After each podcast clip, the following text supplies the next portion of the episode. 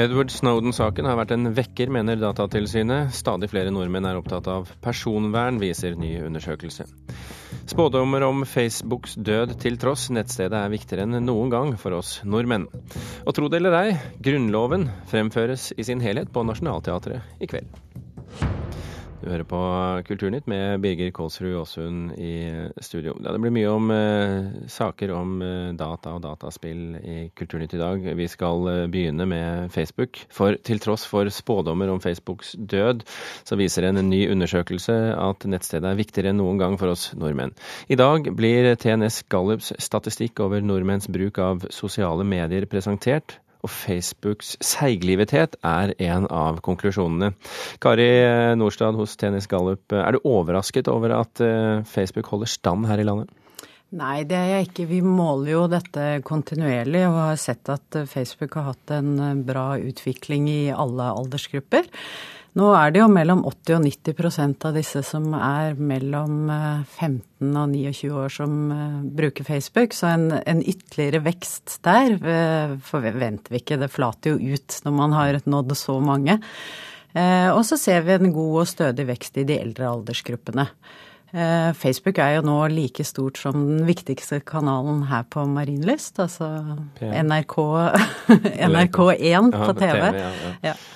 Men, men, eh, nå har man jo varslet eh, Facebooks eh, død en stund, bl.a. en forskningsrapport fra et amerikansk universitet. Ehm, fordi at populariteten er på vei ned blant de yngre brukerne. Ser dere også denne tendensen i deres undersøkelse? Nei, overhodet ikke. En veldig stabilt, et stabilt medium. Og det er vel kanskje primært tre grunner til det finner vi ut når vi undersøker det. Det er jo eh, for det første at, denne, at Facebook er blitt en eh, sentral nyhetskanal, rett og slett. Det er eh, Man går innom Facebook på samme måte som man sveiver innom VG flere ganger om dagen. Vi ser at mange bruker det hver dag. Mange er innom Facebook også fordi man det fungerer nesten som en redaktør. Man blir anbefalt hva man skal lese, og på den måten eh, orienterer man seg videre. Så dette at det er en viktig nyhetskanal, det tror jeg er en grunn til seiglivetheten. En annen grunn er jo også at det er, en, er blitt en viktig kommunikasjonskanal, rett og slett. Vi spør jo våre, i våre undersøkelser om hva som er den viktigste kanalen for kommunikasjon til venner. Eh, og blant de yngste så er jo Facebook overtruffent. Eh, det er det viktigste kanalen. Det er viktigere enn å snakke telefon, og det er viktigere enn å sende SMS. Men mens blant oss som er litt eldre, så kanskje det ved å sende SMS-er og prate er fortsatt viktig.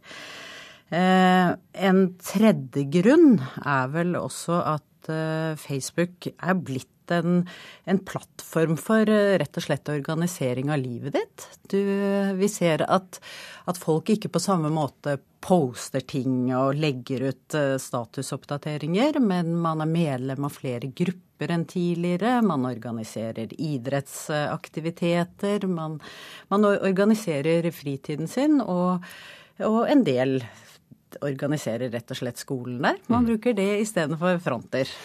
Så, så uh, ser du for deg at, uh, at dette kommer til å forbli slik også i fremtiden? Ja, altså det er jo for det har jo kommet Snapchat og mange forskjellige nye sosiale medier ja, også. Ja, og det, det, er jo morsomt for oss som driver og undersøker dette her. Når det kommer sånne nye fenomener, og de, og de kommer veldig, veldig fort.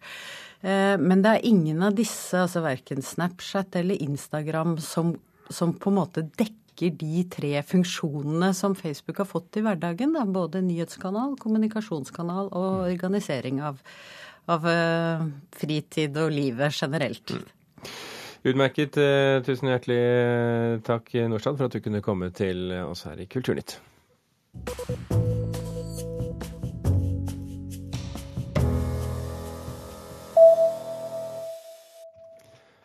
Søknaden om å få industrihistoriske kulturminner i Rjukan og Notodden inn på Unescos verdensarvliste er ferdig. Denne uken skal søknaden leveres til hovedkvarteret i Paris, og seksjonsleder hos Riksantikvaren Alexander Ytterborg mener søknaden er solid.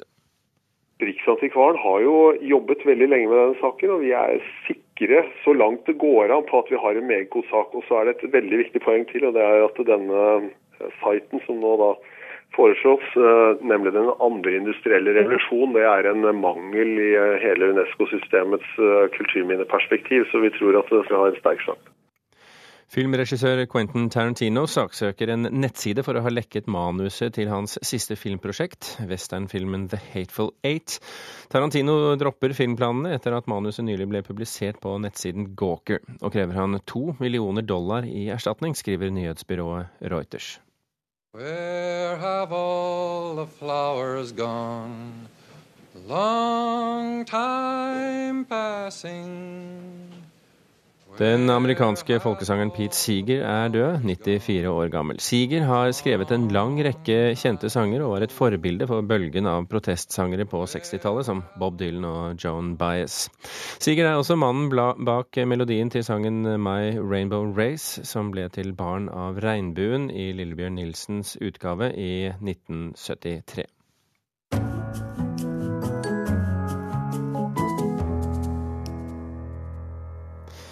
Hovedscenen på Nationaltheatret blir debattarena når teatret i dag inviterer til dypdykk i Grunnloven. Med opplesing av Grunnloven fra 1814 i sin helhet håper Nationaltheatret å gi debatten rundt Grunnloven et historisk bakteppe i jubileumsåret. Paragraf 1. Kongeriket Norge er et fritt, uavhengig og udelelig rike. Dets regjeringsform er innskrenket og arvelig monarkisk. Vi er i et av øvingsrommene til Nationaltheatret, og skuespiller Bernhard Arnø leser første paragraf av Grunnlova fra 1814. Det er bare andre øving, men allerede neste dag skal det være framføring på hovedscenen. Da inviterer Nationaltheatret til debatt og kunstnerisk djupdykk i Grunnlova med forestillinga 'Hurra for Grunnloven', hva, hvorfor, hva nå? Der skal den opprinnelige Grunnlova fra 1814 framføres i sin heilskap med påfølgende debatt.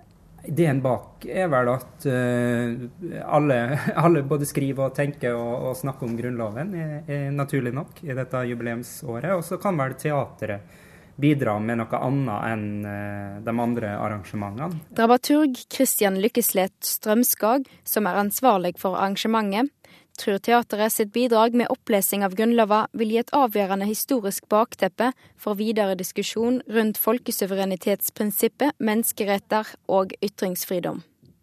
Opplesinga, som blir gjort av fire av Nationaltheatret sine største skuespillere, tar om lag 50 minutter. For skuespiller Mariann Såstad Ottesen har det vært ei utfordring å finne en måte å formidle lova slik at publikum vil forstå. Det som skaper mest distanse, syns jeg, når man leser, det er språket. Og det, jo, det, er det vi på en måte møter en sånn utfordring på når vi skal formidle Grunnloven fra A til Å. At man skal jo selvfølgelig man må jo først og fremst Vi må jo forstå det før man kan lese det ut. Skuespillerne Tone Mostrøm og Øystein Røger sier at et kronglete språk òg kan by på komiske øvingssituasjoner. Den leseprøven vi hadde første møte med den her, vi har vel aldri hatt det så gøy? Nei, det var kjempemorsomt. Men, men, vi har vel aldri ledd så mye? Nei, det var veldig mye latter. Maskaraen rant og nei. Det er jo å høre kolleger, og en selv inkludert, når man er ute og sykler og ikke kommer seg frem til punktet. Kommer ikke i mål. kommer ikke i mål, Mostrøm og Røger tror framføringa kan bli en åpenbaring for framtidige lovskrivere. Kanskje den lesningen her blir utslagsgivende i forhold til Det var det øverste tegnet de trengte for å Ja, ja nå skriver vi det. Ja. Vi, skjønner, vi skjønner ingenting. Skjønner ingenting. Dette må skrives sånn. Ja, grunnlovsopplesningen og påfølgende debatt skjer i kveld og i morgen på Nationaltheatret. Og reporter i denne saken det var eh, Kristin Foland. Og så til saken om at eh, halvparten av nordmenn er mer opptatt av personvern enn før. Det viser nemlig en fersk undersøkelse fra Datatilsynet og Teknologirådet. Elevene ved Elvebakken videregående skole i Oslo er opptatt av hva de deler med seg selv på internett. I klasserommet på Elvebakken videregående i Oslo ligger bærbare datamaskiner på hver pult. En av elevene, Camilla Hildre, innrømmer at hun er stor forbruker av sosiale medier, også i skoletiden. Kanskje litt for mye til tider. Jeg sjekker jo Facebook veldig mange ganger daglig. Eh, fordi jeg tenker at det er alltid noe jeg må få med meg. Hun er en av mange nordmenn som legger igjen personopplysninger på nettsteder fra hele verden. Nettsteder som Facebook og Google vet mer og mer om oss. En ny undersøkelse fra Datatilsynet og Teknologirådet viser at nesten halvparten av alle nordmenn er mer opptatt av personvern nå enn for tre år siden. Camilla er opptatt av hvilke opplysninger hun deler om seg selv på internett. Så når man så det at eh, hun hadde Facebook kjøpt opp Instagram, og da ble jeg litt sånn redd for bildene. Men så tenker man på det liksom der og da, og så tenker man ikke noe mer på det. Eller det gjør ikke jeg i hvert fall. Og så fortsetter man å poste bilder og Bjørn Erik Thon i Datatilsynet mener overvåkningssaken hvor Edward Snowden avslørte amerikanernes overvåkning av andre land, og at de har tilgang til personopplysninger fra bl.a. Facebook og Google, er noe av grunnen til at nordmenn er mer opptatt av personvern enn før. Eh, det er nok fordi at personvernet har kommet nærmere oss i og med at vi er så mye på internett, vi er på sosiale medier, vi sender e-poster, så vi lever et veldig elektronisk liv. Og det gjør at vi er mer eksponert for personvern, og at folk blir mer interessert. Så viser jo denne undersøkelsen at veldig mange kjenner Snowden-saken. Nesten alle faktisk har hørt om Snowden-saken. Eh, og det er jo kanskje den største personvernsaken, noen vil kalle det personvernskandalen, eh, bl.a. jeg, som vi har hatt på mange år, kanskje noen gang. Eh, og det er klart at det har også betydning for at folk er opptatt av personvern, og gjør at folk blir mer opptatt enn før. Datatilsynet undersøker også hvilke personopplysninger nordmenn er mest redde for skal komme på avveie, og hva vi gjør for å beskytte personopplysningene våre. Men resultatet av den undersøkelsen er ikke ferdig før senere i år. Gunnar Verven Maier er elev ved Elvebakken videregående skole i Oslo, og mener det er viktig å tenke over hva du legger ut om deg selv på internett.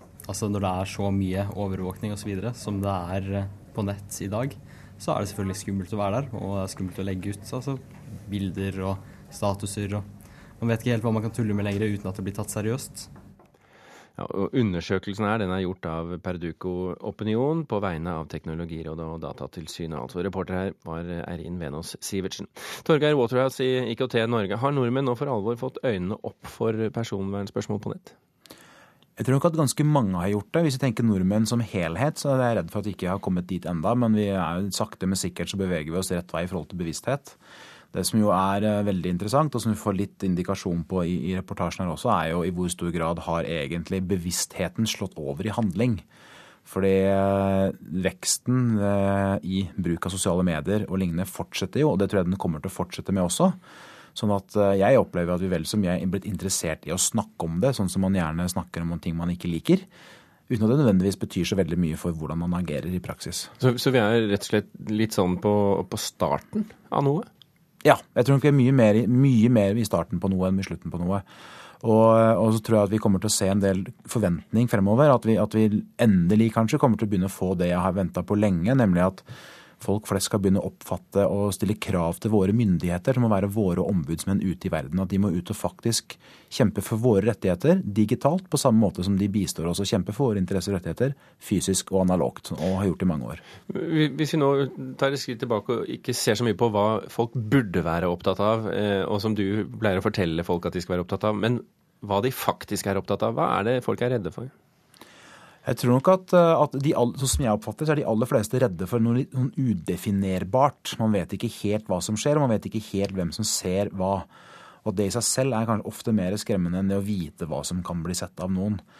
Det som, eh, det som nok er eh, en, en, utfordring for mange også, er å forstå hva dette egentlig betyr.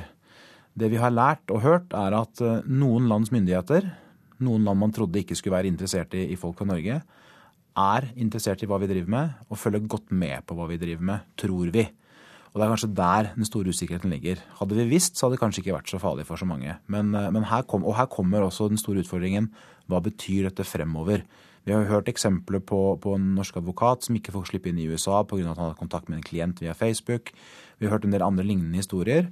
Og dette er nok den frykten som kommer. Og jeg tror kanskje at for de fleste så handler dette mye mer om en irrasjonell frykt enn en rasjonell frykt. Men Hva bør de være bekymret over, da?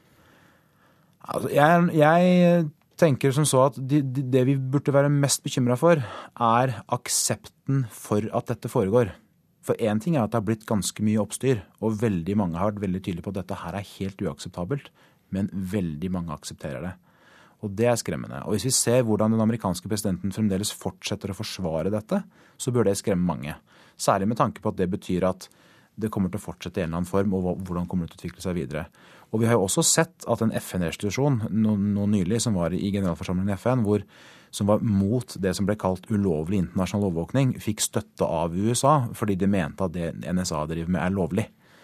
Så, så hva bør vi gjøre? Hvordan bør vi oppføre oss, hvis du skal komme med et lite tips på slutten? Altså Hvis det er sånn at du har noe informasjon som for enhver pris ikke må bli kjent av noen, så kan du godt la være å poste det på, på internett. Men det vi må gjøre tydeligst av alt, det er å være bevisst på hvilke tjenester som, som inneholder hvilken informasjon om oss. Og så bør vi være veldig tydelige overfor våre myndigheter om at de må stå oppreist og sørge for at data om oss ikke misbrukes av våre venner, og heller ikke av våre fiender.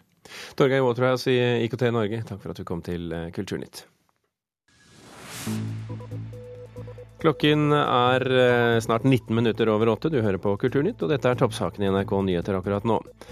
Før hvert fjerde drap begått av alvorlig psykisk syke, kom det advarsler om at dette kunne komme til å skje, viser kartlegging. Brannmenn jobber nå på spreng for å få kontroll over en lyngbrann i Flatanger i Nord-Trøndelag. Brannen har nå spredt seg til hus. Og presidenten og opposisjonen i Ukraina er nå enige om å skrinlegge omstridte lover. Parlamentet skal i formiddag diskutere krisen i landet. En delvis eh, norskprodusert quiz-app til mobilen gjør det stort i Europa for tiden. Skaperne mener selv det er den største norske app-suksessen siden Wordfeud.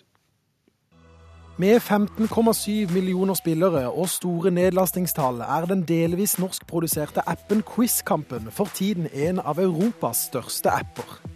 Quizkampen er et spill til mobilen hvor du har en spørsmålsduell med en annen spiller. Begge får de samme spørsmålene, og deltakeren med flest poeng vinner runden. Appen ble lansert i Norge i desember 2012, og ligger i dag på topplisten i AppStore. Spesielt i Tyskland har Quizkampen gjort det stort. Siden appen ble lansert der i oktober i fjor, har 8,4 millioner tyskere registrert seg som spillere. Millioner av italienere og svensker har også fått interesse for spillet. Quizkampen er foreløpig tilgjengelig i ti land, og vokser seg stadig større. Ja, det fortalte reporter Christian Ingebretsen. Anders eh, medieutvikler av appen Quizkampen. Hva er hemmeligheten bak suksessen? Oh, du, det er, det er, eh, det er mange hemmeligheter. Men en, en, av de viktigste grunnene tror jeg, til at det ble veldig gjennomslag, det var at vi, eh, vi jobbet veldig, veldig lenge med, med alle detaljene for å få det riktig. Um, så at vi, vi var ferdige allerede et halvår før vi lanserte.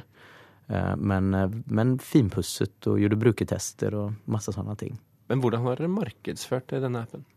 Eh, det er egentlig bare Vi begynte med å invitere alle venner til, på Facebook til, til å hjelpe oss å spre den. Og sen etter hvert så, så har vi faktisk kjørt ut en del reklame også. Men i hovedsak så er det faktisk organisk spredning. Når, når merket dere at det kunne bli en suksess? det gjorde vi allerede efter omtrent to uker, tror jeg, så så vi at det her, eh, det her holder på å skjene. Eh, så at eh, Ja, det merket vi ganske kjapt, faktisk. Men, men, det var i Sverige. Vi hadde fortsatt ingen mm. aning om at det skulle bli helt insane stort i, i resten av Europa også. Denne appen er jo gratis. Hvordan tjener dere penger? Um, gratisdelen er finansiert av reklame. Uh, og sen så finnes det en sånn premie man kan betale 21 kroner for å kvitte seg med reklamen. Og da, uh, da uh, betaler man. det er jo inntekten ja. der, ja. Um, med så mange brukere og dette her er jo tross alt litt komplisert programmering på baksida der. Bruker ikke dere også da masse penger på bare det på serverkapasitet? Eh, jo, herregud. Har ikke dere store utgifter? Herregud. Ja, ja, ja. Altså, de, og det, de er vanskelig å, å, forstå når man først begynner. Vi, vi, er jo egentlig alle nybegynnere her. Det er ingen av oss som har gjort noen, noen store apps eller så tidligere. Så for oss så var det alt fra Vi hadde jo vanlige jobb i siden av oss, og, og så kom det her. Så at uh, vi visste jo ikke hvor det skulle lande. Så at uh, i, i høsten 2012 Eh, så krasjet databasen første gangen fordi at vi, det var for mange brukere, og vi klarte ikke å och håndtere det. Og sen så, ja. ja. Eh, Morten Hestnes, eh, spørsmålsansvarlig i Quizkampen. Hvor mange spørsmål opererer dere med? Det er omtrent 2004, nei, 24 000 spørsmål i databasen. Og det vil si litt i overkant av, av 1000 spørsmål per kategori, altså 20 kategorier. Og dere er nå i flere land. Er det de samme spørsmålene overalt? Nei, det er det ikke. Det er en, en grunnbase av spørsmål, kan du si, som, som har blitt oversatt i, i alle land. Men, men ca. halvparten av spørsmålene er unike for hvert enkelt land. da. Hvor får dere disse spørsmålene fra? Ja, altså det, Denne grunnbasen den kommer jo fra, fra den opprinnelige svenske uh, Quizkampen, som da blir oversatt. Altså de, de beste spørsmålene, og mest internasjonale spørsmålene, kan du si, blir oversatt til alle land. Uh, og så uh, bygger da hvert enkelt land dette videre, da. Men hvor mye tid og energi bruker dere på faktasjekk? Ja, altså det, det, er jo ganske nødvendig å, å bruke mye tid på, på, hver enkelt Altså det er ganske omstendelig å, å sjekke hvert enkelt spørsmål, faktisk. Fordi eh, en ting har jeg i hvert fall lært, at det er eh, helt utrolig hvor eh, hvilke spørsmål man tror man vet, som man egentlig tar feil. da. Og dere får raske tilbakemeldinger hvis dere kommer med feil? Ja, ja man får, får tilbakemelding på det. Men det, det er jo ikke alltid tilbakemeldingene om at vi har feil, stemmer, da. Altså, det er veldig ofte, snarere, skulle jeg si. Det er veldig ja. mange som hører av seg, som faktisk har feil. Ja. Og folk er ofte ikke veldig ja. hyggelige også. Altså, når, når, man får de her mailene, de kan skrive helt vanvittig utrivelig. Ikke sant? Det, det, det, virker, det, virker, som på, på nettet så, så, er det um, en, en, uhøflig Altså, folk er veldig, veldig uh, røffe i, i tonene på, på nettet. Altså det, det, det, virker som det er vanlig. Siste spørsmål som vi må ha med. Dere er altså ute i ti land. Hvilket land er best? Eh, kompetansemessig? Ja. eh, enn så lenge fortsatt tror jeg Norge. ja. Tusen hjertelig takk, eh, Morten Hestnes og Anders Wilstedt, for at dere kunne være med i Kulturnytt. Takk.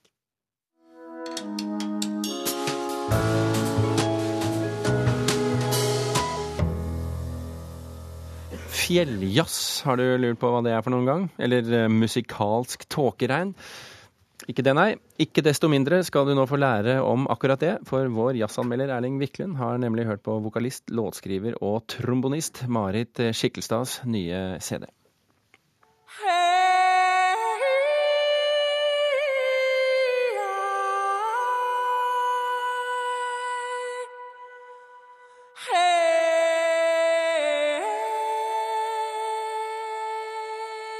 Marit Skikkelstad må være det nærmeste vi kommer huldra i vår tid. Gjøvikjenta tar oss inn i klangen av den norske fjellheimen, hvor hun kauker, lokker og blåser så det ljomer. Ikke på lur, men på en diger trombone. Og lever solid opp til platetittelen Tåkeregn og bandnavnet Marit Skikkelstads Fjelljazz. Tåkeregnet skaper hun ved kreativ elektronisk klangbehandling av stemmen og hornet, regndråper og rørklokker. Fjelljazzen improviserer hun fram over heilnorsk musikkarv, fra Griegs folketonebearbeidelser og Jens Gundersen-viser til selvkomponerte impresjoner.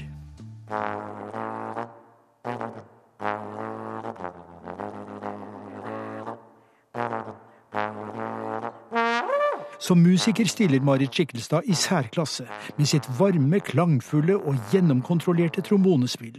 Klokkereint, kraftfullt og lyttende på samme tid.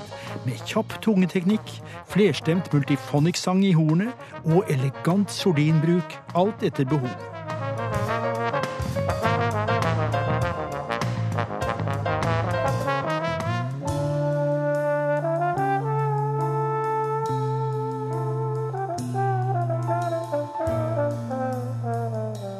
Skikkelstad er også en høyst uvanlig vokalist som vet å koble amerikansk skattsang med heilnorsk stevjing.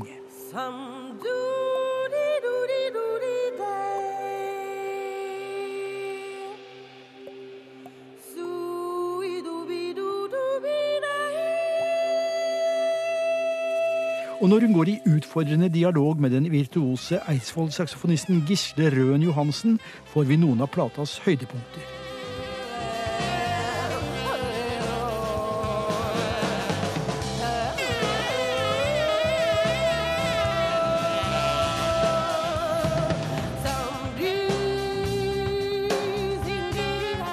I besetningen møter vi for øvrig bassistveteran Sveinung Hovensjø, som med fordel kunne vært eh, mer nærværende i miksen, mens pianist Nils Jørgen Nygaard er klangfullt tilstedeværende.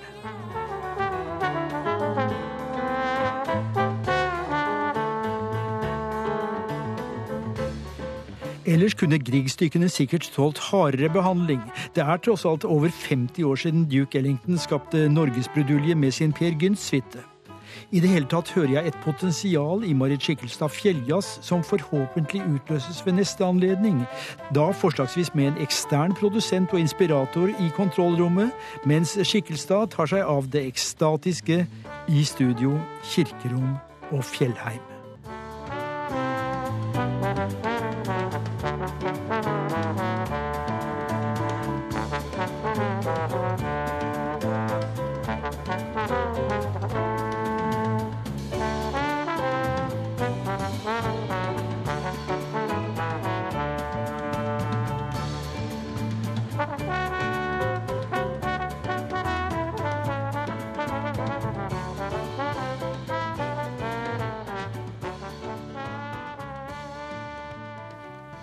Marit Skikkelstad her fra hennes nye CD. Kulturnytt er slutt. I dag har du hørt at Datatilsynet mener Edward Snowden-saken har vært en vekker. Stadig flere nordmann, nordmenn er opptatt av personvern, viser ny undersøkelse. Og spådommer om Facebooks død til tross, nettstedet er viktigere enn noen gang for oss nordmenn. Hilde Tosterud, Halvor Haugen og Birger Kolsrud Jåsund takker for felle. Hør oss igjen klokken halv fem i ettermiddag.